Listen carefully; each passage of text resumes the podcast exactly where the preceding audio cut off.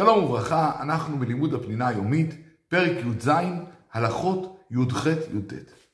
אסור לעבור לפני המתפלל בתוך ד' אמותיו, וזה משתי סיבות. סיבה ראשונה, כי זה מפריע לכוונתו, וממילא כאשר אנשים עוברים מול האדם, הוא פחות מתרכז.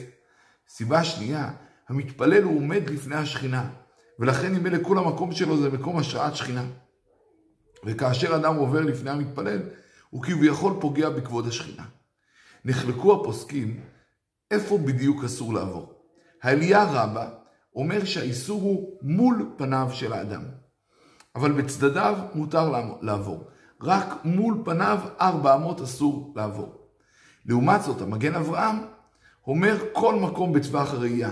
כלומר, אם ניקח איזה אלכסון כזה של ראייה, כל הטווח הזה אסור במעבר. עוד נחלקו בעוד מחלוקת חשובה.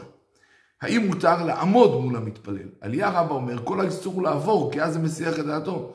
אבל אם אדם הולך ונעמד מול המתפלל, הדבר מותר. אבל המגן אברהם אומר לו, אסור בכלל להיכנס לכל השטח הזה, לא לעבור שם ולא לעמוד שם. להלכה, לכתחילה יש להחמיר כמו המגן אברהם, אבל בשעת הצורך אפשר יהיה להקל כמו העלייה רבה. לצורך גדול, יהיה מותר לעבור מול המתפלל. לדוגמה, אם אדם צריך ללכת להשלים עניין, אם אדם רוצה ללכת להעביר שיעור תורה, כהן שצריך לעלות לדוכן, מי שחושש שיפסיד את ההסעה שלו. בכל המקרים האלה מותר לעבור אפילו ממש מול פניו של המתפלל. אסור למי שאיחר לתפילה ורוצה להגיע למקומו הקבוע לעבור מול המתפלל.